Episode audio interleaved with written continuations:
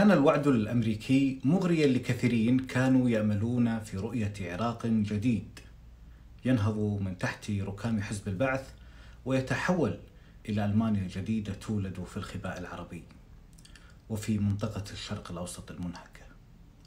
كان ذلك الحلم في أوائل 2003 وكانت واشنطن العاصمة العظمى تواصل حشدها الدبلوماسي والسياسي والعسكري للإطاحة بنظام آه، صدام حسين. كانت آلة الترويج الأمريكية وبالأذرع الإعلانية الكبرى تنقل صورة العراق الجديد وكيف سيكون شكله بعد أن تحرر أمريكا العراقيين من نظامهم القمعي. وتبني لهم نموذج دولة جديد يمكن لباقي دول الشرق الأوسط أن تحذو حذوه. لم يكن للأحلام سقف وغال البعض في توقعاتهم للنظام الجديد الذي رأوا فيه قائدا للمنطقة تحت مظلة الرعاية الأمريكية. كانت حروب الصورة تغزو العالم وتهز الكثير من القناعات التي راكمها نشوء الدولة القومية وهشم مفاهيم عميقة كان من أهمها السيادة بطبيعة الحال. بعد سلسلة من الأخطاء المريعة تسبب فيها عدم الإلمام العميق بالجغرافيا البشرية للمنطقة وعدم سماع نصائح قادة خبراء. تحول هذا الحلم الأمريكي إلى كابوس مفجع وزلزل المنطقة لسنوات طويلة وأصابها بانهيار جزئي كاد أن يبتلع العراق ويحوله إلى مجموعات من الدول على أساس عرقي وطائفي. آه، لقد دمرت البنية التحتية والإدارية لدولة ذات تاريخ كبير وعطشت دولة ذات نهرين وعانى اقتصادها وشعبها الأمرين رغم الاحتياطي النفط الضخم.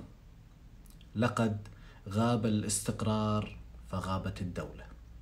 لذلك لا أزال أميل إلى مدرسة في آه، العلوم السياسية ترى أن الاستقرار هو آه، اللبنة الأساسية لوجود الدولة.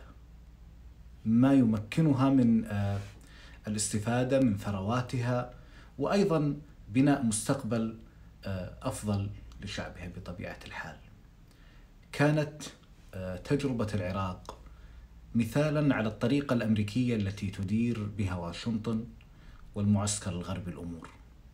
أخطاء طفولية رغم الإعدادات المهولة وأيضا التحضيرات المطولة لكن أخطاء قاتلة كحل الجيش العراقي مثلا كانت كفيلة بانهيار ركن ركين من كيان الدولة الذي كان له الدور الأكبر في حفظ استقرارها منذ ثورتها الأولى آه، قبل نصف قرن. لم تسمع واشنطن آه، نصيحة الملك عبد الله رحمه الله والذي كان ولي العهد حينها الذي حذر من هذه المسألة التي جعلت مئات الآلاف من الجنود يبدأون مقاومتهم للاحتلال الأمريكي بعد أن تم حل جيشهم ومصدر رزقهم. كانت تلك النصيحة كفيلة بتجنيب العراق الكثير من الويلات التي عاناها مرة أخرى.